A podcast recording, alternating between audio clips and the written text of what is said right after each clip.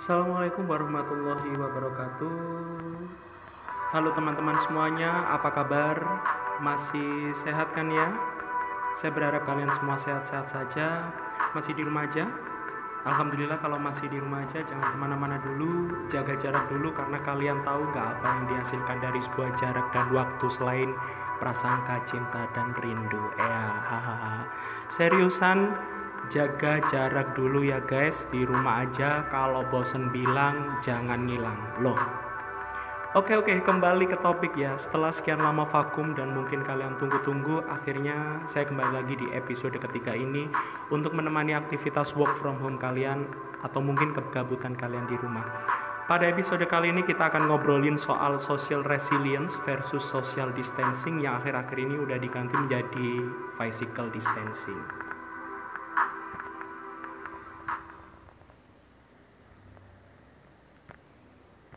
Teman-teman sekalian, kita semua tentunya tahu bahwa virus corona atau COVID-19 saat ini menjadi pandemi global. Menurut data dari WHO per tanggal 5 April 2020 kemarin, kasus corona di seluruh dunia telah mencapai 1.202.827 kasus dan ada 246.886 yang telah dinyatakan sembuh. Di Indonesia sendiri kita tahu jumlah pasien COVID makin hari makin bertambah. Data dari gugus tugas penanganan COVID-19 per April 5 April 2020 kemarin terjadi penambahan kasus positif menjadi 2273 dengan jumlah pasien yang sembuh sebanyak 164 orang dan meninggal dunia sebanyak 198 orang. Kondisi ini tentunya menjadi keprihatinan untuk kita semua teman-teman dan selalu menuntut kita untuk terus menjaga pola hidup bersih, cuci tangan, jaga jarak, hindari kontak secara langsung dengan banyak orang, dan tentunya selalu memperkuat imunitas tubuh kita. Kondisi saat ini, pandemi COVID-19 di Indonesia tentunya memiliki dampak yang luar biasa bagi seluruh aspek kehidupan masyarakat. Kita tahu mulai dari kesehatan pastinya, pendidikan, sosial, ekonomi, mungkin psikologis hingga aktivitas beribadah masyarakat. Dampak ini terasa nyata di sekitar kita dan kian hari mulai dirasakan secara luas oleh masyarakat.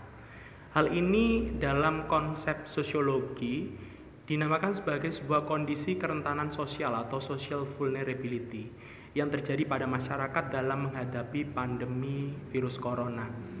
Kerentanan sosial ini akan menjadikan posisi ketahanan sosial atau yang tadi kita sebut dengan social resilience maupun ketahanan masyarakat atau community resilience mengalami goncangan akibat dari kondisi saat ini. Ketahanan masyarakat, ketahanan sosial itu sebenarnya melekat pada diri kita. Dan ini berkaitan dengan kemampuan dari masyarakat untuk dapat menggunakan sumber daya yang tersedia mulai dari sumber daya teknologi, makanan, pekerjaan, rasa aman maupun rasa nyaman dalam memenuhi kebutuhan hidupnya, kebutuhan dasar dan menjalankan segala fungsi sosialnya. Namun kondisi saat ini justru menjadikan ketahanan masyarakat mengalami kerentanan sosial.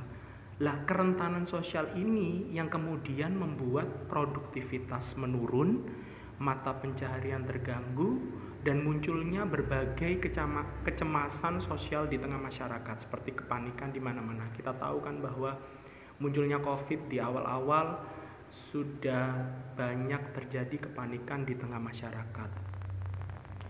Hal ini yang kemudian bisa kita lihat mengapa instruksi mengenai sosial maupun physical distancing tidak berjalan dengan efektif. Sebab instruksi physical distancing dianggap menciptakan kerentanan sosial pada masyarakat, khususnya masyarakat yang memiliki status pekerjaan informal dan berpenghasilan harian. Selain masalah pekerjaan, ada faktor lain sebenarnya teman-teman yang membuat kenapa instruksi pemerintah untuk jaga jarak, physical distancing itu tidak efektif, yakni karena faktor karakteristik kultural masyarakat kita dan kebijakan pemerintah ini tidak tegas, bahkan cenderung mempertontonkan ego sektoral antar lembaga pemerintahan, baik pusat dan daerah. Mungkin di berita-berita selama ini kita tahu bahwa e, banyak sekali tumpang tindih kebijakan. Kadang daerah membuat kebijakan A, pemerintah bilang bahwa itu kewenangan pusat, daerah tidak boleh membuat. Nah, ini problem tersendiri. Teman-teman sekalian, ada kondisi serius yang harus difikirkan sebagai dampak kerentanan sosial yang timbul dari kondisi saat ini. Yang pertama adalah tindakan apatis. Pada tindakan apatis ini bisa kita lihat dari tindakan masyarakat yang mungkin tidak peduli dengan instruksi pemerintah untuk melakukan social atau physical distancing.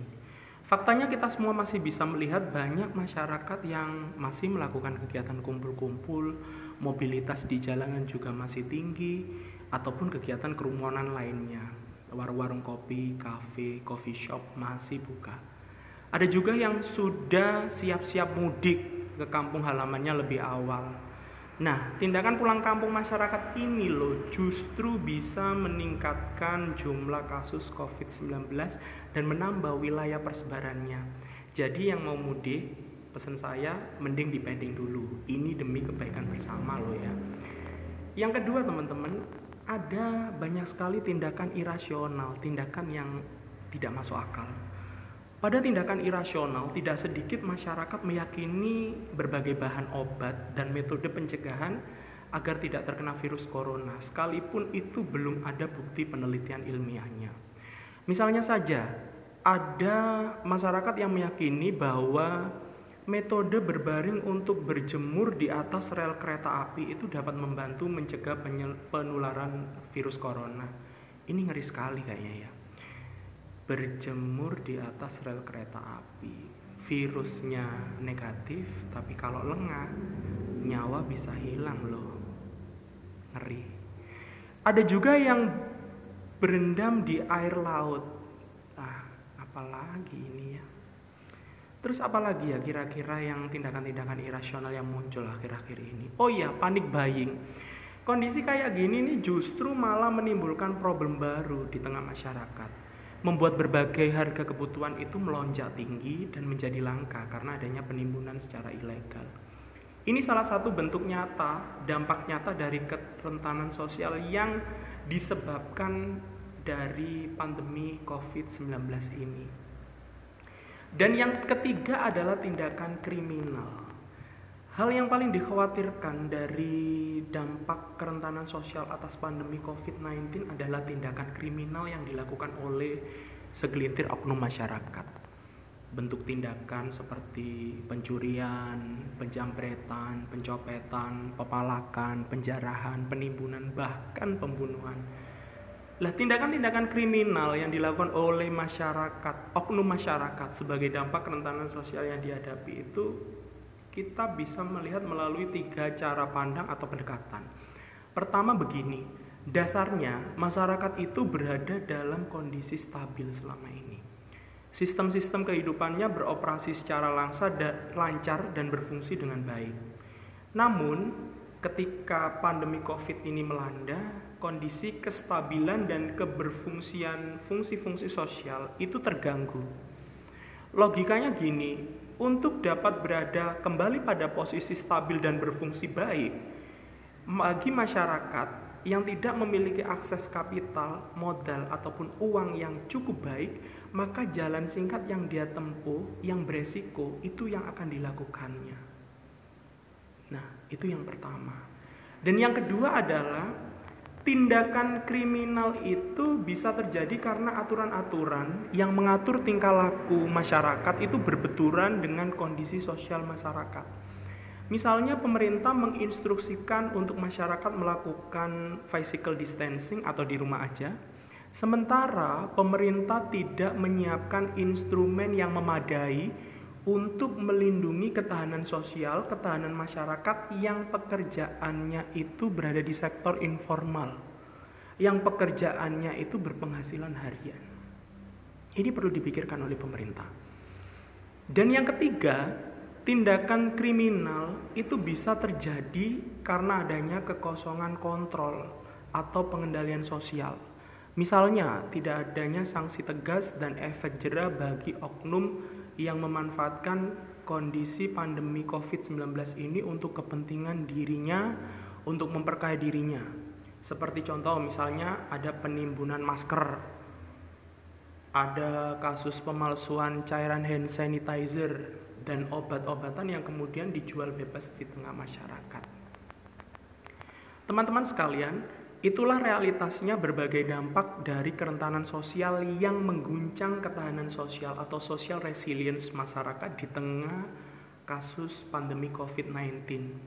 Tentunya kondisi ini menuntut pemerintah untuk lebih matang, untuk lebih jeli dalam membuat kebijakan yang tepat dan terukur.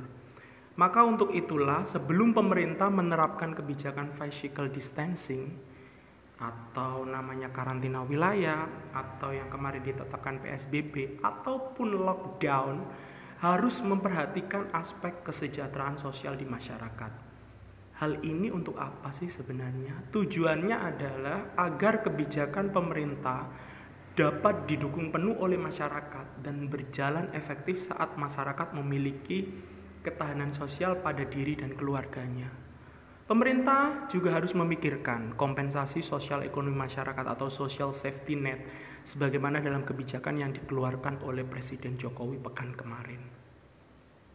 Namun, lebih dari itu ada sebuah usaha bersama yang terus kita galang teman-teman untuk membantu bangsa ini keluar dari pandemi ini. Tentunya pemerintah tidak bisa bekerja sendiri, harus berkolaborasi dengan berbagai pihak. Kita pun sebagai generasi muda, anak muda juga tidak boleh apatis terhadap kondisi saat ini. Setidaknya harus memperhatikan berbagai instruksi maupun kebijakan pemerintah. Anak muda nggak boleh sombong, nggak boleh jumawa, karena mungkin merasa punya imunitas yang kuat dan nggak mungkin kena virus. Itu salah. Yang jadi bahaya adalah kita menjadi carrier virus yang justru akan menularkan pada orang-orang tua di sekitar kita.